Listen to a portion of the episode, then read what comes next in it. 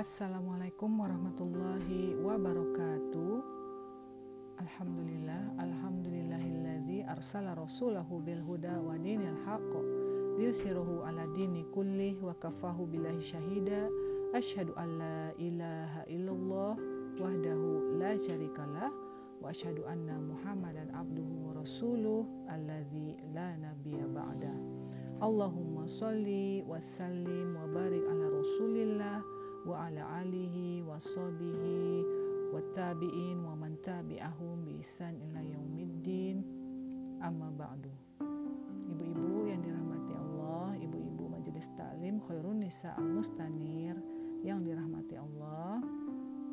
Alhamdulillah kita bertemu kembali dalam uh, sharing ya atau kajian tolabul ilmi yang mengambil tema mengenal karakter pasangan menumbuhkan cinta.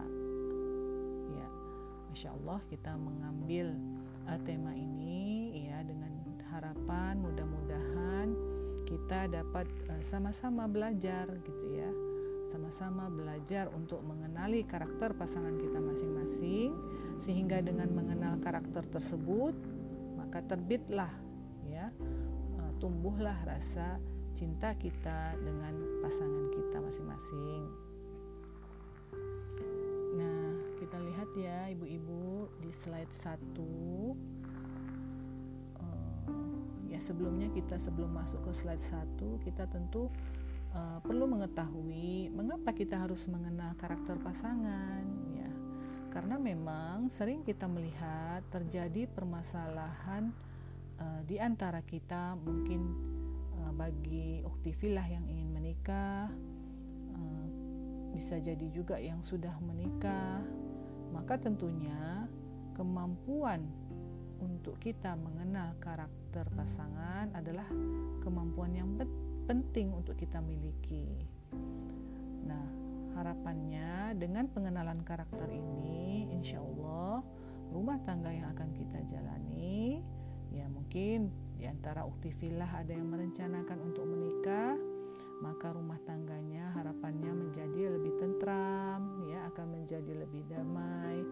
Nah, kemudian bagi kita nih yang sudah puluhan tahun menikah, maka dengan mengenal karakter pasangan, insya Allah perjalanan menjalani kehidupan akan terasa lebih mudah, ya akan terasa lebih ringan. Nah, jangan sampai nih seiring dengan lamanya usia pernikahan kita, nah justru apa? Justru pertengkaran, ya, perbedaan pendapat, perselisihan atau bahkan konflik justru semakin sering terjadi. Nah, kita lihat pada slide yang pertama ya Ibu-ibu. Nah, ini ada beberapa pengertian ya yang saya ambil secara latar belakang psikologi ya ibu-ibu ya. Nah, jadi di sini berdasarkan keilmuan psikolog, nah ada yang disebut dengan kepribadian. Nah, kepribadian di sini menurut psikolog ya, ahli psikolog, dia adalah sesuatu yang bersifat menetap di dalam diri seseorang ini, ini sekali lagi adalah pengertian dari segi keilmuan psikologi ya ibu-ibu. Nah kemudian yang kedua ada yang disebut dengan temperamen. Temperamen ini adalah kumpulan dari sifat-sifat seseorang yang ia peroleh sejak lahir. Nah maksudnya eh, kita kenal ya masing-masing kita mempunyai gen, kita mempunyai kromosom yang mana gen dan kromosom ini kemudian Eh, dia mewariskan sifat-sifat tertentu dari orang tua kita. Nah, jadi itulah yang membentuk temperamen seseorang. Ya, ini secara teori psikolog. Nah, kemudian yang ketiga, nah ketiga ini adalah karakter. Nah, karakter ini terbentuk dari apa? Ya, karakter ini terbentuk dari pembelajaran terhadap nilai-nilai dan kepercayaan yang ada di dalam hidup kita. Nah, jadi ibu-ibu sekalian, uktifillah, inilah tiga pengertian uh, yang mana sering dipakai di dunia psikologi. Nah, kita lihat di slide berikutnya. Ya. Ya, di slide berikutnya ini ada empat tipe kepribadian menurut Hippocrates ya, seorang Jadi ada katanya empat besar tipe kepribadian yang bisa kita kenali. Ya, dilihat di sana. Yang pertama itu ada sanguinis, yang kedua ada koleris, yang ketiga itu melankolis dan yang keempat ada plekmatis. Nah, ini adalah uh, tipe kepribadian secara garis besar walaupun tidak sesimpel itu ya, tidak segampang itu untuk menentukan kepribadian seseorang. Cuman secara garis besar uh, ada empat tipe ini yang bisa kita kenali. Nah, jadi Hippocrates itu uh, dia sebenarnya menentukan tipe-tipe kepribadian ini Berdasarkan apa? Berdasarkan penampakan, penampakan lahiriah. Dia melihat postur tubuh, kemudian dia melihat cairan-cairan tubuh. Nah, itu menurut uh, Hippocrates, ya. Hanya saja ibu-ibu sekalian dan uktifillah, hanya saja di dalam Islam memang kita tidak menggunakan pembagian kepribadian itu berdasarkan bentuk fisik semata. Karena memang kita tidak menghubungkan antara bentuk fisik ya apa yang ada di dalam tubuh kita secara fisik dengan kepribadian seseorang. Nah, coba kita lihat ya, kita lihat menurut Hippocrates ini dulu ya. Nah, kita mengenal lebih dalam lagi tipe kepribadian berdasarkan Hippocrates. Yang pertama ini ada sanguinis katanya, ya di mana biasanya orang-orang bertipikal sanguinis ini mereka itu cenderung optimis ya e, mereka periang kemudian biasanya mikirnya lebih kerasional ya terencana mereka aktif ya secara sosial nah mungkin di antara ibu-ibu uktivilah ada yang masuk tipe ini nah yang kedua yang kedua itu adalah koleris. Nah, koleris ini menurut Hippocrates biasanya orang-orangnya tampil sempurna. Ya, mereka itu sangat teliti gitu ya. Uh, sebagian mereka ada yang pemarah juga atau mudah tersinggung. Nah, itu tipe koleris. Nah, yang ketiga itu ada tipe ya kita lihat di slide melankolis. Nah, melankolis ini diwakili oleh sifat-sifat ambisius, energik ya Uh, biasanya begitu ya, mereka juga biasanya penggerak ya dari apa yang di sekitarnya. Kemudian mereka melankolis ini juga cenderung bijak dan tenang. Oke. Nah, kemudian yang terakhir ini adalah tipe plekmatis. Ya.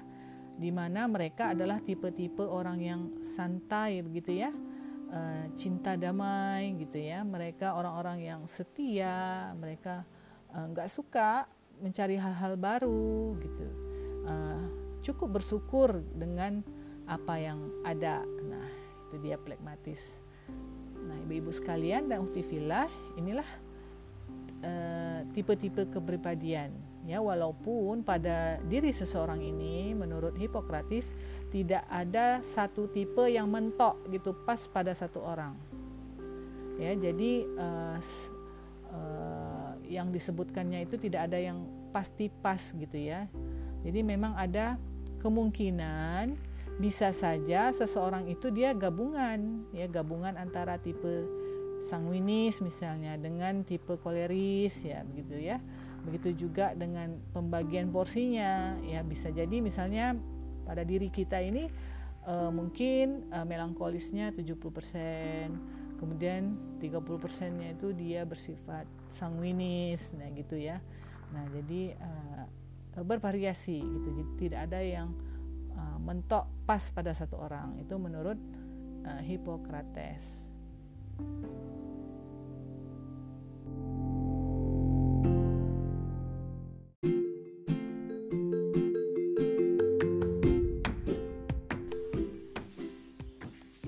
ibu-ibu, akhwati filah yang dirahmati Allah.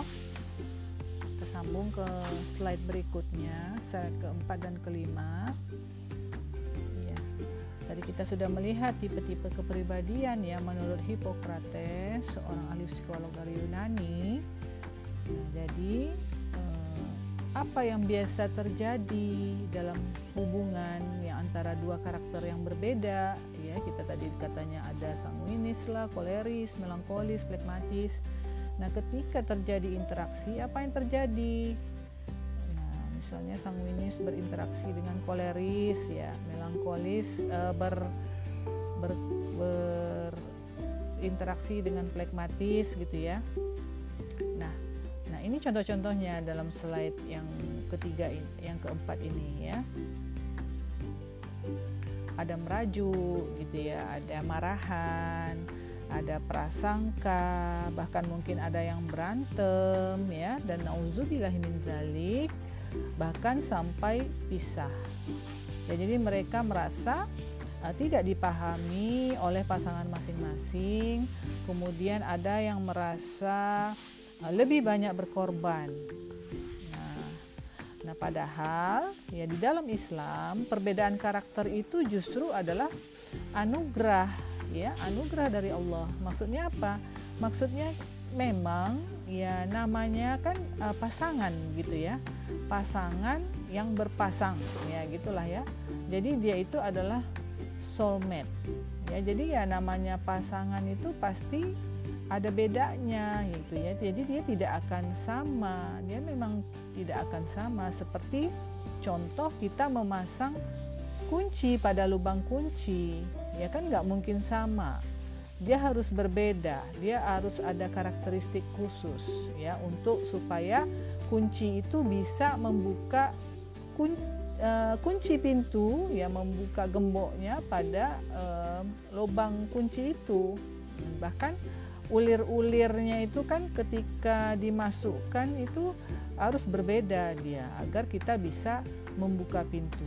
Nah, jadi memang sebenarnya uh, perbedaan itu uh, karakter itu itu sudah sunatullah ya jadi memang ada perbedaan karakter pada uh, pasangan kita masing-masing. Nah sekarang kita lihat di slide berikutnya slide kelima. Ya kita kembali kepada karakter uh, kepada kepribadian Islam. Ya jadi menurut Syekh Taqiyuddin An-Nabani ya beliau adalah seorang ulama yang lahir di Palestina.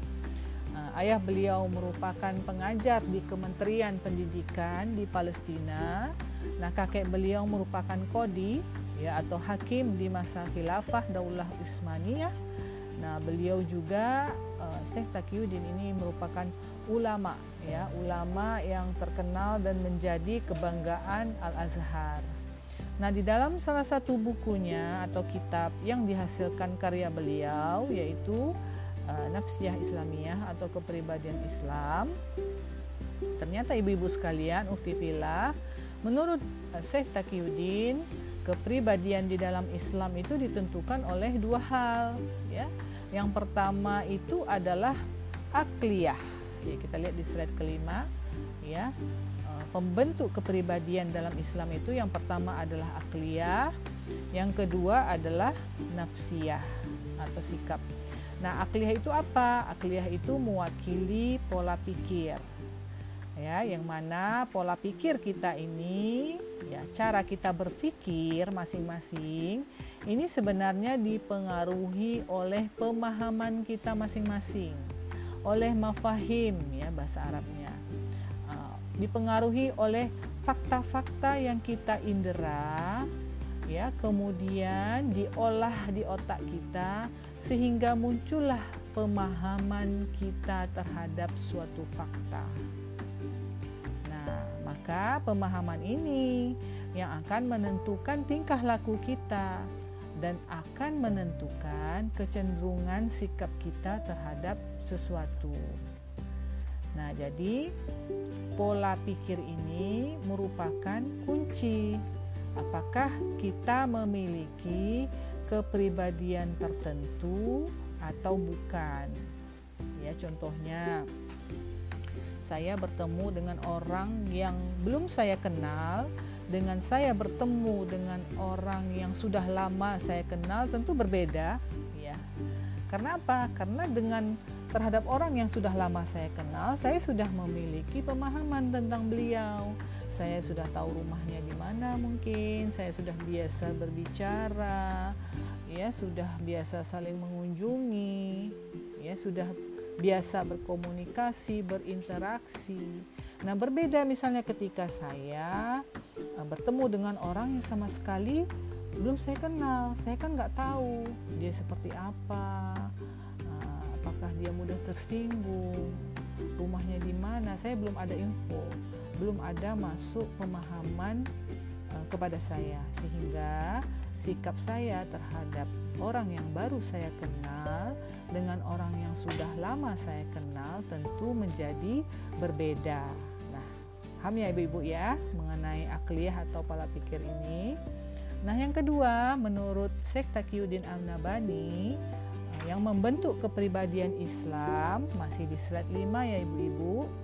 Nah, itu ada nafsiyah. Ya, nafsiyah itu adalah pola sikap jadi kalau ada orang bilang nafsiyah Islamiyah berarti pola sikapnya Islami ya jangan nggak usah kaget dia dia saja kita udah tahu gitu ya nafsiyah itu adalah pola sikap. Nah pola sikap ini ya tingkah laku kita itu disebut nafsiyah. Ini adalah bagaimana kita masing-masing mengaitkan ya bagaimana pemenuhan gorizah atau naluri kita ya baik itu uh, naluri berketurunan, naluri untuk uh, mempertahankan diri, nalur, naluri mensucikan sesuatu, ya. Kemudian pola sikap kita terhadap hajatul uduwiyah, ya, untuk memenuhi kebutuhan jasmani kita. Ya, hajatul uduwiyah memenuhi ju, uh, kebutuhan jasmani dengan mafahim yang Eh, kita miliki tadi ya dengan hasil proses berpikir tadi dengan pemahaman kita. Contohnya bagaimana kita memenuhi naluri kita berketurunan. Bagaimana kita memenuhi naluri kita berkasih sayang. Itu kan adalah naluri ya Bu ya. Itu adalah uh, karunia dari Allah ya. Uh, itu adalah sunatullah, adalah anugerah. Ya, jadi itu tidak bisa dikat ya tidak bisa dihilangkan itu sudah bawaan sudah sunatullah nah bagaimana kita memenuhi naluri kasih sayang itu apakah sudah sesuai dengan Islam? Nah apakah bertentangan dengan apa-apa yang ditentukan dalam Islam? Nah itu semua dikembalikan kepada mafahim kita. Ya eh, sejauh mana kita memahami Islam itu sendiri? Ya jika ternyata kita tidak memiliki mafahim Islam, ya kita tidak paham Islam itu seperti apa, bagaimana hak kewajiban misalnya suami istri, bagaimana memenuhi uh, uh, naluri untuk makan misalnya ya, bagaimana cara pemenuhan uh, hajatul uduwiyah kebutuhan jasmani untuk makan, nah maka bisa dipastikan kita memenuhi pemenuhan naluri kita, kita memenuhi kebutuhan jasmani kita, hajatul uluhiyah kita adalah uh, tidak akan sesuai dengan Islam. Ya.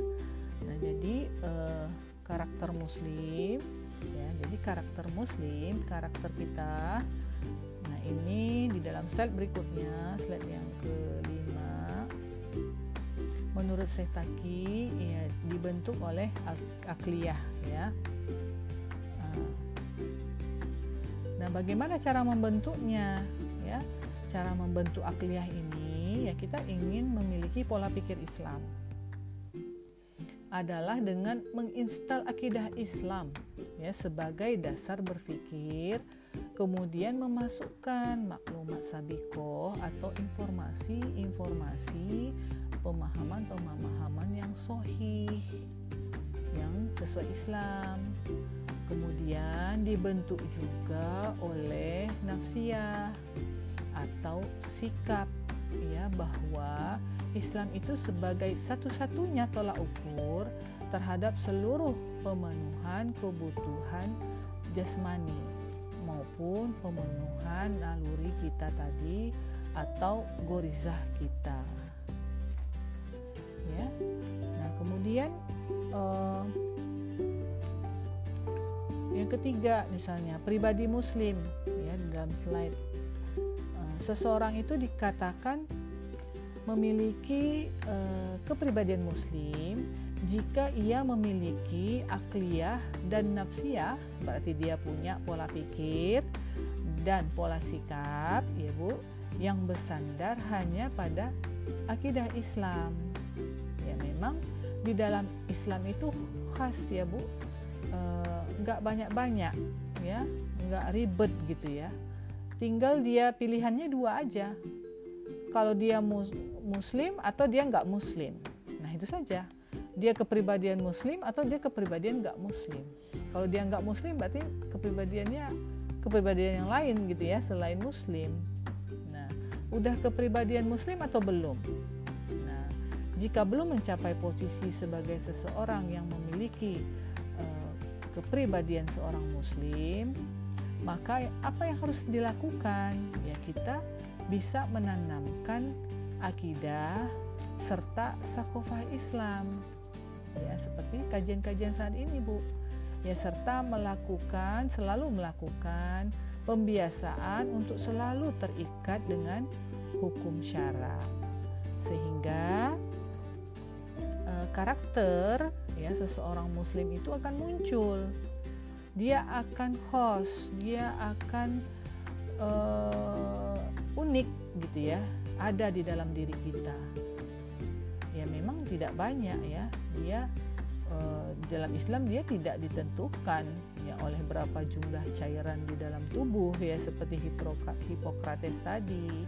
Dia menggolongkan kepribadian.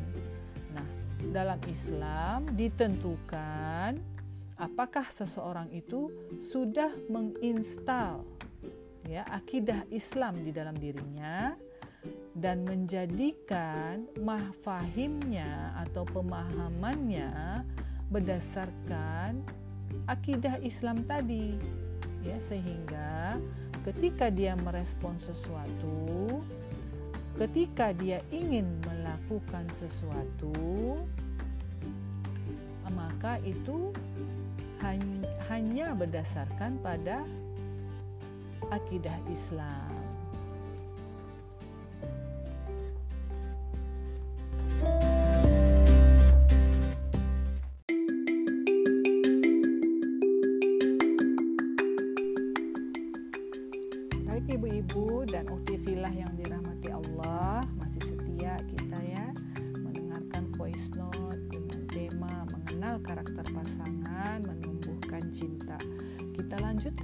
slide berikutnya ya. Nah, slide ketujuh. Jadi bagaimana uh, setelah kita mengenal tadi kepribadian Islam dan uh, unsur-unsur pembentuknya uh, terdiri dari akliyah dan nafsiyah, pola pikir dan pola sikap. Nah, bagaimana aplikasinya dalam rumah tangga Islam? Bagaimana sih realitasnya di dalam rumah tangga? Jadi mari kita uh, bersama-sama ya uh, bersama-sama suami atau calon suami kita dudukkan dulu bahwa kita ingin membentuk karakter Islami nih dalam rumah tangga ya. Karena di dalam Islam ya suami adalah koam ya arjalu koam nisa ya. Nah yang istri dia disebut sebagai umun jadi masya Allah ini akan menjadi pasangan uh, yang tepat. Jadi seperti kunci dengan lob kuncinya langsung klik gitu ya, langsung terbuka pintunya. Nah di sinilah kita harapkan uh, antara kita suami yang koam dengan istri yang sebagai umun. Nah di sinilah sebagai tempat lahirnya generasi-generasi yang akan membawa kegemilangan bagi peradaban Islam. Ya, kita bahas ya Bu. Nah Nah, bagaimana sih karakter istri-istri di dalam Islam? Ya, jadi karena kita tadi di awal sudah menyepakati bahwasanya standar kehidupan kita adalah syariah Islam, bahwa standar kehidupan kita adalah akidah Islam, maka karakter istri di dalam Islam itu harusnya seperti yang dicontohkan oleh istri-istri Rasul. Lihat ya uh, slide berikutnya. Dikatakan di sini dalam satu hadis innama nisa'u syaka ikul rijal ya. Sesungguhnya sesungguhnya perempuan atau istri itu adalah sahabat laki-laki atau suami hadis riwayat Abu Daud dan Ahmad ya Nah, jadi e, begitulah hubungan suami istri di dalam Islam. Hubungan yang penuh dengan persahabatan, yaitu dalam hadis ya Bu menyebutkan bahwa kita ini sahabat. Ya. E, bukan yang satu lebih dominan atau apa gitu ya. E, bagaimana layaknya kita dengan sahabat ya? Kita merasa nyaman ya. Dengan sahabat itu kita nggak malu untuk curhat ya saling berbagi dalam keadaan susah maupun senang ya. Nah, begitulah karakter seorang sahabat ya kan Ibu-ibu ya. Nah, ini beberapa contoh kita lihat di slide ya kita cuplik ada Bunda Khadijah radhiyallahu an. Ya, kita mengenal bagaimana Bunda Khadijah ini dia adalah seorang istri yang cerdas ya. Cerdas dalam mengelola perdagangannya ya Kemudian Bunda Khadijah juga adalah orang yang sabar. Kita lihat ya mungkin kita sudah tahu bersama perjalanan kehidupan beliau ya bersama Rasulullah ya.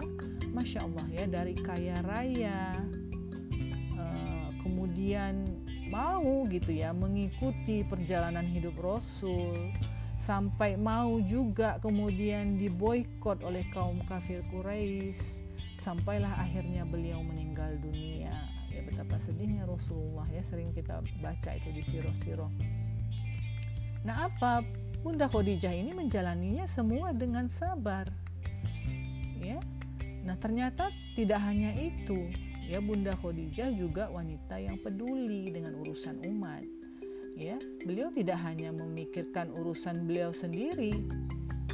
Ya beliau juga turut serta dalam pencerdasan umat inilah yang menjadi role model bagi kita, menjadi contoh bagi kita. Ya. Nah, yang kemudian yang kedua kita cuplik bagaimana Fatimah radhiyallahu an. Ya. Beliau adalah putri Bunda Khadijah dengan Rasulullah. Nah, apa yang bisa kita ambil dari beliau? Sifat waro. Uh, di mana uh, Bunda Fatimah ini beliau lebih banyak infaknya ya dibandingkan dengan apa yang beliau miliki ya kemudian uh, Fatimah ini juga uh, beliau orang yang sabar ya dan uh, banyak juga aktivitas-aktivitas uh, Fatimah yang mengikuti dakwah Rasulullah. Nah, kemudian ada Aisyah radhiyallahu an. Ya, kita mengenal beliau ya, Bunda Aisyah ini banyak meriwayatkan hadis dari Rasulullah. Orangnya cerdas, masya Allah ya, menunjukkan bahwa beliau adalah orang yang pembelajar. Ya, eh, Bunda Aisyah ini juga merupakan politikus. Ya, beliau uh, memperhatikan ya masalah-masalah umat. Jadi dia Eh, masalah-masalah yang tidak hanya berkutat pada kecenderungan pribadi beliau saja. Ya tapi juga beliau mengurusi mengurusi bagaimana agar kaum wanita itu dapat memberikan uh, partisipasinya terhadap kebangkitan umat. Ya bahkan Bunda Aisyah ini pendapat-pendapat uh, beliau ya uh, juga dipakai oleh sahabat-sahabat Rasulullah ketika pasca meninggalnya Rasulullah. Ya, jadi kalau ada hadis-hadis yang diriwayatkan oleh Aisyah radhiyallahu Quran yaitu adalah Bunda Aisyah uh, yang bercerita dan itu dipakai oleh para sahabat.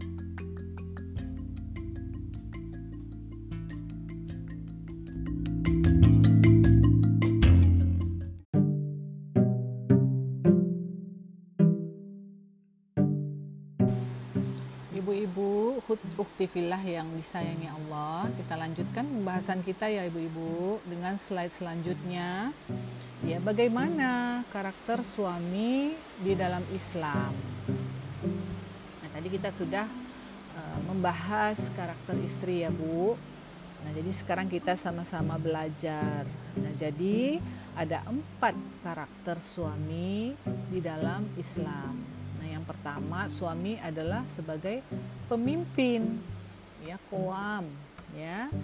Arjalu koamu ala nisa. Ya ini Quran surat An-Nisa ayat 36 ayat 34 ya Bu. Nah ini disebutkan di Al-Quran Bu bahwa suami itu adalah pemimpin. Ya jadi jangan dibalik gitu ya Nah, sebagaimana seorang pemimpin di dalam Islam, ya pemimpin itu tentunya dia mengatur ya Bu dan melayani ya. Jadi bukan diktator ya, bukan asal suruh. Nah, tapi suami ya sebagaimana dia pemimpin itu dia mengatur bagaimana anak-anaknya sekolah, sekolah seperti apa yang bisa menjadikan anaknya soleh.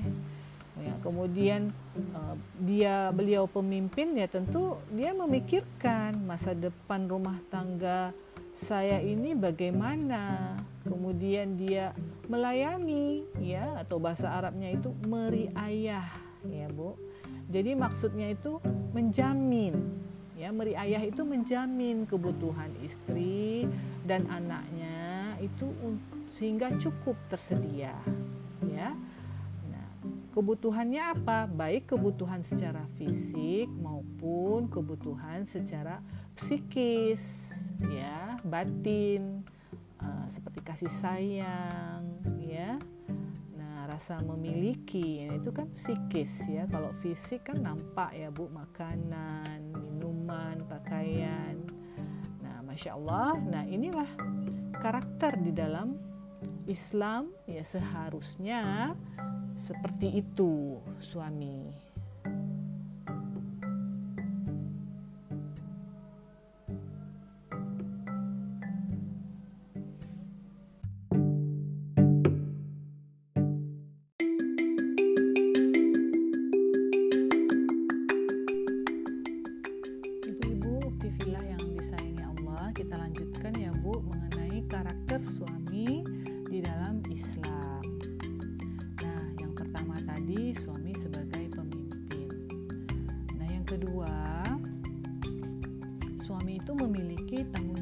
Pernafkahan.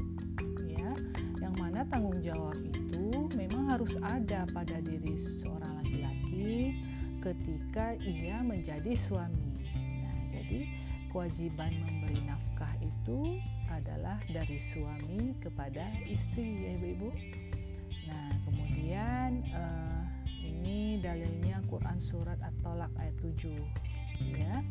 Nah kemudian suami sebagai pendidik. Ya, yang ketiga, karakter suami itu beliau adalah sebagai pendidik.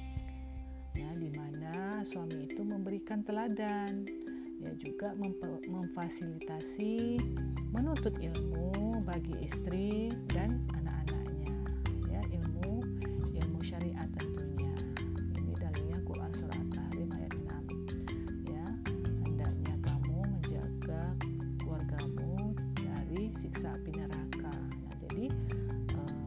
Suami kita harus memberikan uh, teladan untuk mendidik kita. Jadi kalau beliau tidak mampu, ya memfasilitasi kita untuk menuntut ilmu bersama anak-anak kita agar terhindar dari api neraka.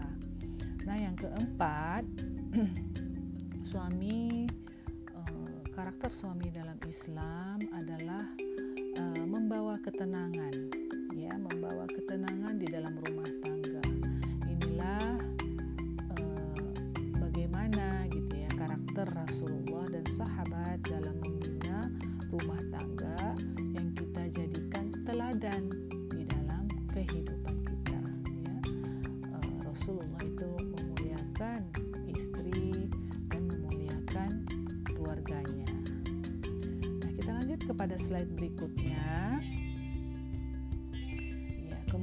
bagaimana jika terjadi perselisihan di dalam rumah tangga? Ya, jadi namanya tadi ya kan ada beda ya Bu ya, beda temperamen gitu ya. Ya, ada hal dasar dalam uh, sifat-sifat uh, kita yang berbeda dengan suami. Ya, mungkin uh, kita belum mengenal ya bagaimana kepribadian Islam apa yang harus kita lakukan ketika terjadi perselisihan di dalam rumah tangga. Nah, kita lihat di slide berikutnya ya, Bu. Nah, apa yang kita lakukan? Yang pertama, kita kembalikan kepada hukum syara. Ya, jadi benar atau salah di antara suami istri itu disandarkan kepada syariat, Bu. Ya, bukan pada perasaan bisa seperti itu Bu jadi kita stop dulu ya suami stop kalau terjadi perselisihan. Sama-sama mikir sama-sama berpikir sama-sama kita urai permasalahannya ini seperti apa. Kemudian kira-kira menurut hukum syara bagaimana cara memecahkan masalah ini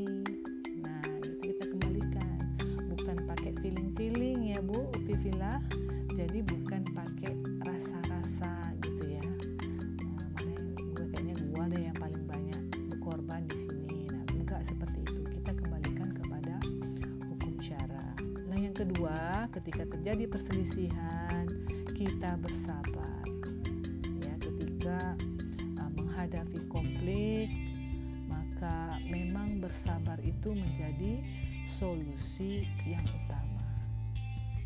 Kita bersabar dan kita berdoa kepada Allah SWT kita memohon perlindungan kepada Allah dari bisikan setan yang memang tugasnya menghancurkan rumah tangga. Jadi memang ada bu setan yang tugasnya untuk memisahkan ikatan suami istri kita sama-sama mengenal bahwa ada setan yang memang tugasnya memisahkan antara suami dan istri. Ya, jadi kalau dia berhasil nah itu naik pangkat itu sabar poin kedua. Nah poin ketiganya kita ingat kembali ya ingat-ingat kembali tujuan kita berkeluarga yaitu samaro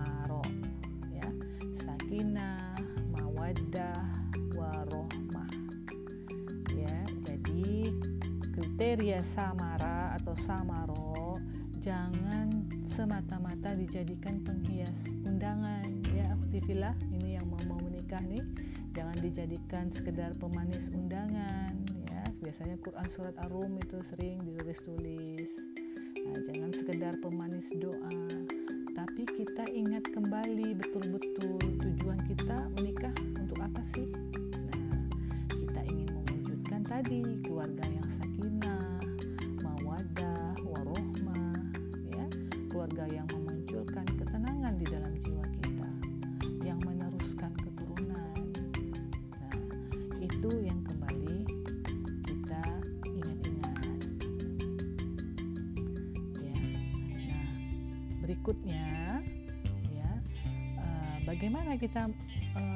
mencegah konflik di dalam rumah tangga ya kita lihat slide berikutnya yang pertama itu adalah komunikasi ya yang komunikasi sesulit apa pun uh, ungkapkan ya kemudian bicarakan untuk dicarikan solusinya.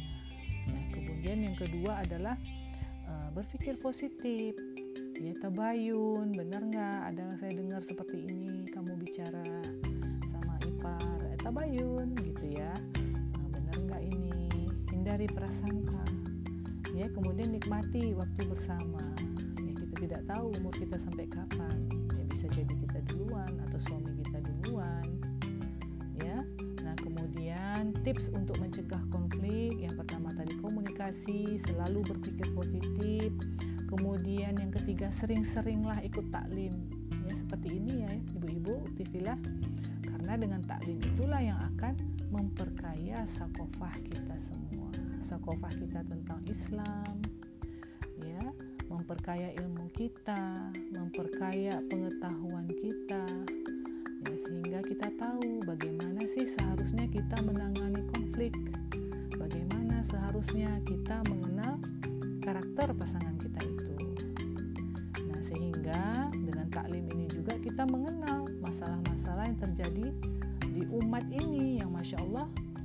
biasa, ya. Nah, jadi kalau kita berkaca dengan masalah yang terjadi pada umat, masalah yang terjadi pada orang lain. Nah, jadi kita menyadari bahwa sebenarnya masalah kita yang alami ini sungguh hanya seujung kuku gitu ya. Tidak ada apa-apanya dibandingkan kepedihan, kesedihan yang mungkin menimpa orang di sekitar kita atau mungkin menimpa orang yang jauh gitu ya non jauh di sana gitu. Tapi mereka saudara kita mereka itu muslim. Nah jadi justru itu yang menjadikan penguat bagi diri kita ya. Jadi bahwasanya memang apa yang kita hadapi masalah rumah tangga kita ini mungkin kecil saja. Ya bahwa ada orang lain yang ternyata menghadapi masalah yang lebih besar lagi gitu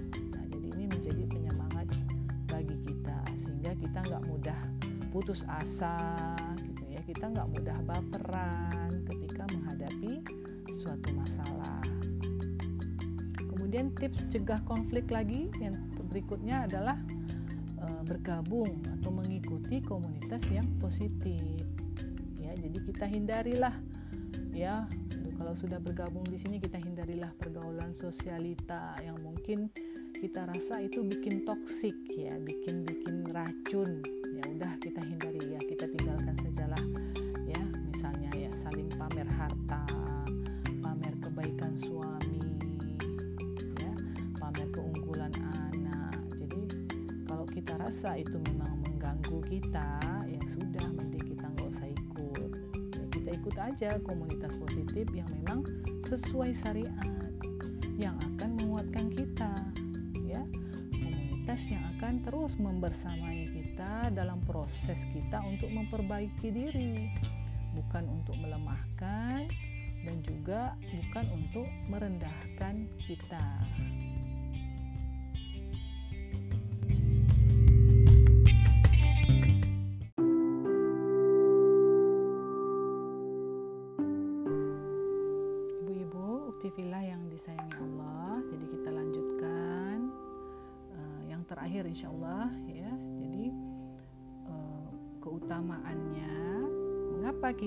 Harus mengenal karakter dari pasangan kita.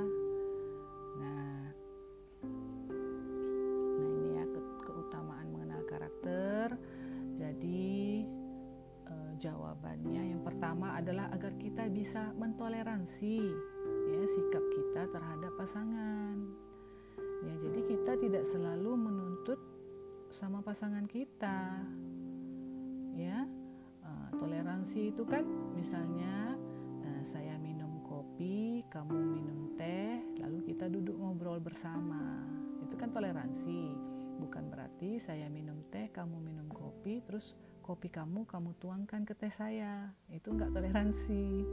Nah, jadi uh, kita nggak terlalu menuntut sama pasangan kita dengan uh, keutamaan kita mengenali karakternya tadi kita tidak minta pasangan kita selayaknya Rasulullah gitu ya dan para sahabat. Nggak minta kita harus satu 100% sama. Karena apa? Sedangkan diri kita sendiri aja jauh dari teladan Bunda Khadijah radhiyallahu an. Jadi siapa kita ya yang hendak meminta suami selayaknya Rasulullah? Nah jadi dengan perbedaan itu dengan kita karakter kita dan suami itu saling mendekat pada satu titik ya. Jadi saling uh, bertoleransi uh, saling mendekat pada satu titik ya. Titik di mana kita sama-sama berupaya untuk menjadi lebih baik bersama suami uh, atau pasangan kita tadi atau calon pasangan kita tadi. Nah ini sebaiknya dikomunikasikan sebelum kita menikah. ah, aku orangnya seperti ini ya dikasih tahu gitu ya aku nggak suka kalau seperti ini gitu ya Jadi uh, keutamaan mengenal karakter yang kedua, nah itu uh, kita bisa memberikan respon kunci yang tepat gitu ya terhadap suatu peristiwa yang mungkin terjadi. Ya, memberikan respon yang tepat di dalam interaksi kita di dalam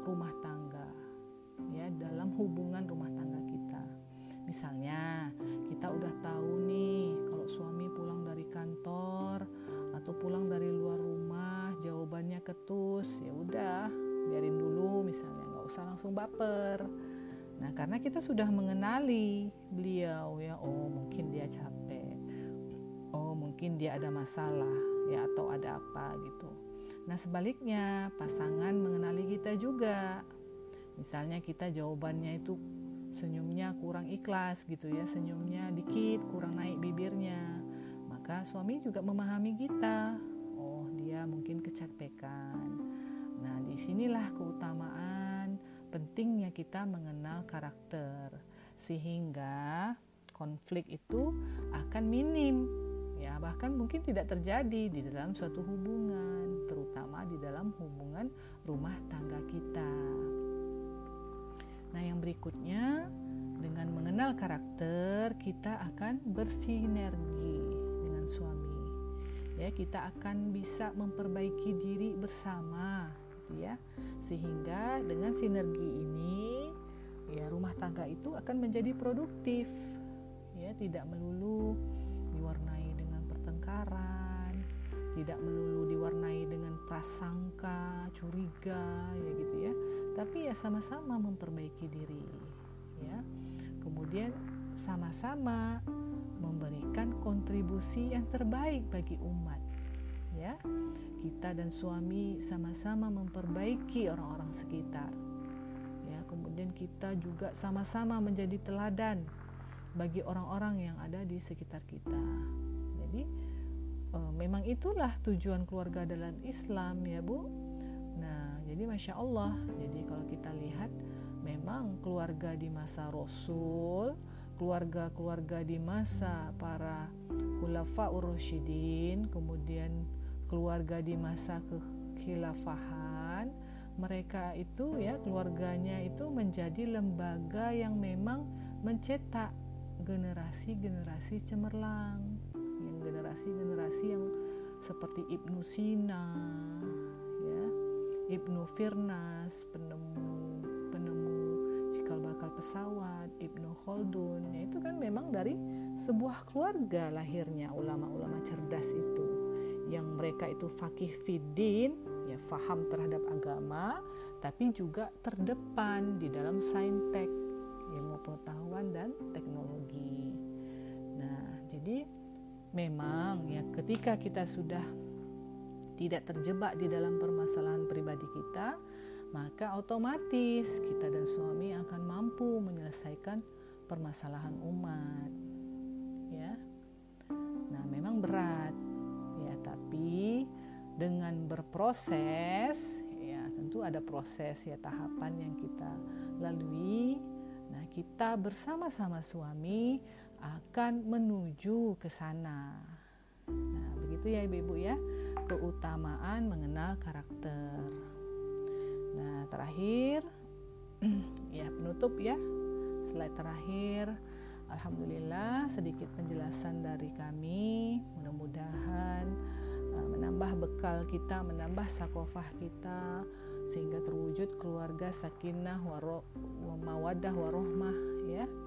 Uh, silakan jika ada yang perlu kita diskusikan uh, dengan menjapri kepada host.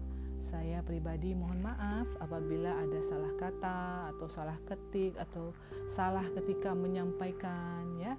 Karena kesempurnaan itu hanya milik Allah ya dan saya juga terbuka untuk menerima koreksi. Ya, mohon doa bagi kebaikan uh, kita semua ya. Kita sama-sama berdoa agar keluarga kita senantiasa menjadi keluarga surga, ya, keluarga yang mencetak generasi-generasi cemerlang gitu ya bagi peradaban Islam.